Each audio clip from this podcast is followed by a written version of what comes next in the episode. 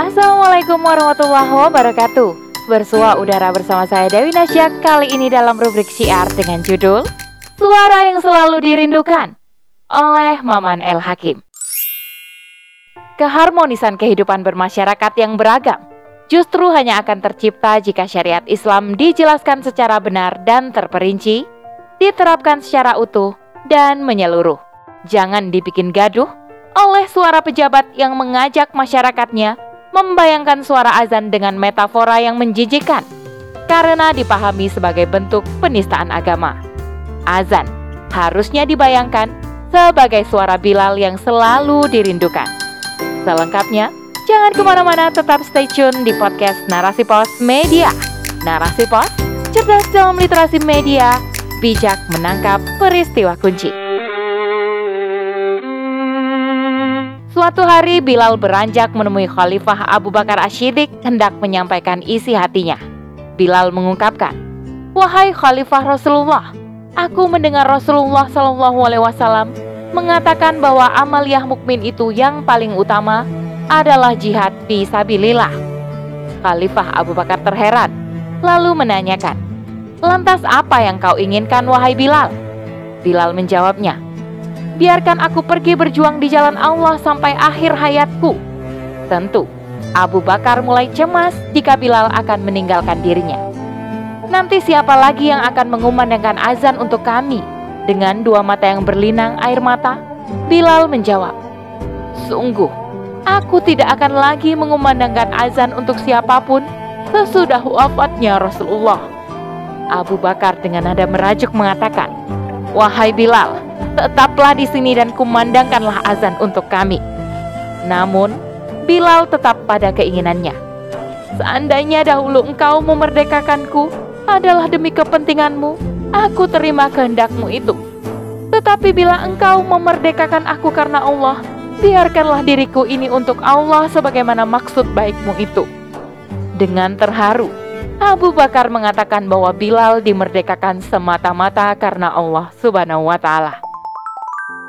Percakapan tersebut dikutip dari buku biografi 60 sahabat Rasulullah Shallallahu Alaihi Wasallam karya Khalid Muhammad Khalid.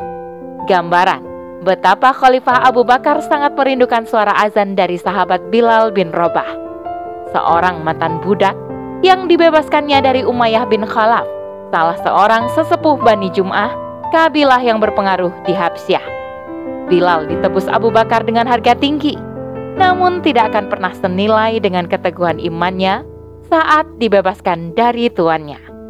Perawakan Bilal tampak kurus dan berkulit hitam legam, namun mutiara iman yang bersinar dari hatinya menjadikan cahaya yang menerangi kehidupan para sahabat Rasulullah, terlebih kemerduan suaranya.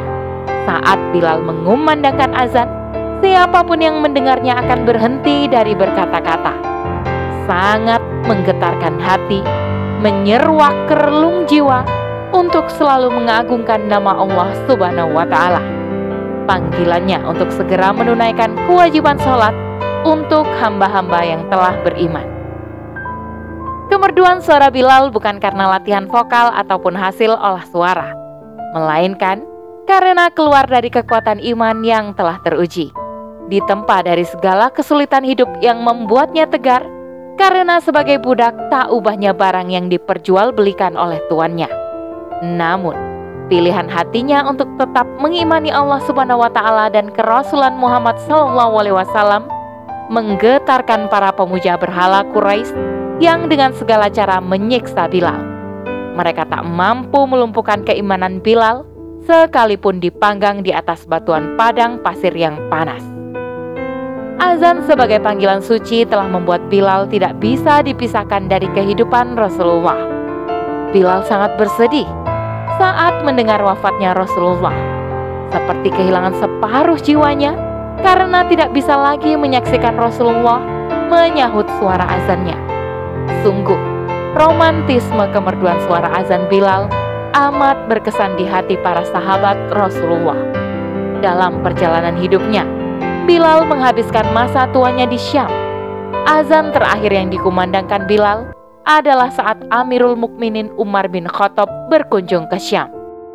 Saat Bilal mengumandangkan azan, para sahabat yang pernah melihat Rasulullah ketika Bilal menjadi muazinnya turut menangis mencucurkan air mata.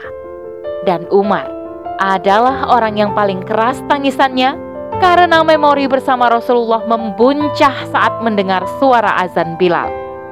Sungguh teramat aneh jika di masa kini ada seorang muslim, terlebih sekelas pejabat negara yang malah terusik dengan suara azan.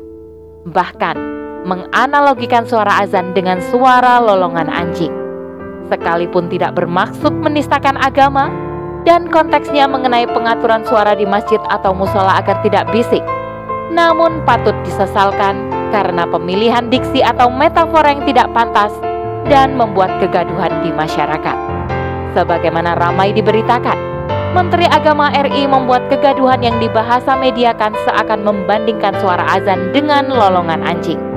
Tentu, bahasa media tersebut membuat Kementerian Agama gerah dan langsung memberikan sanggahan terhadap media bersangkutan dengan beberapa poin klarifikasi.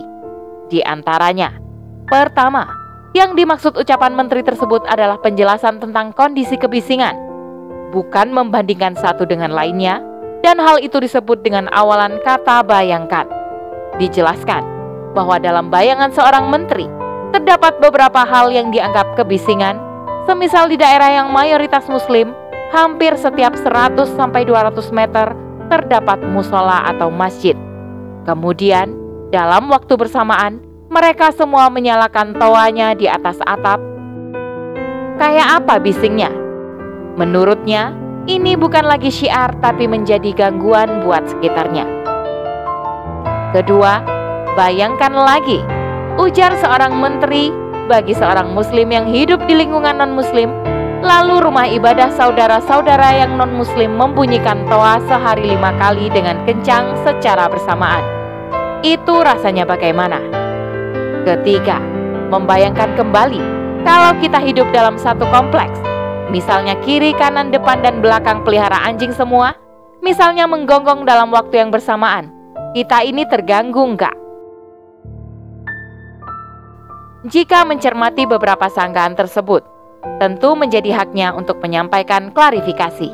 Namun, kebiasaan yang tidak wajar bila diucapkan seorang pejabat yang seharusnya memiliki kepekaan terhadap nilai-nilai syariat Islam di negeri mayoritas Muslim ini.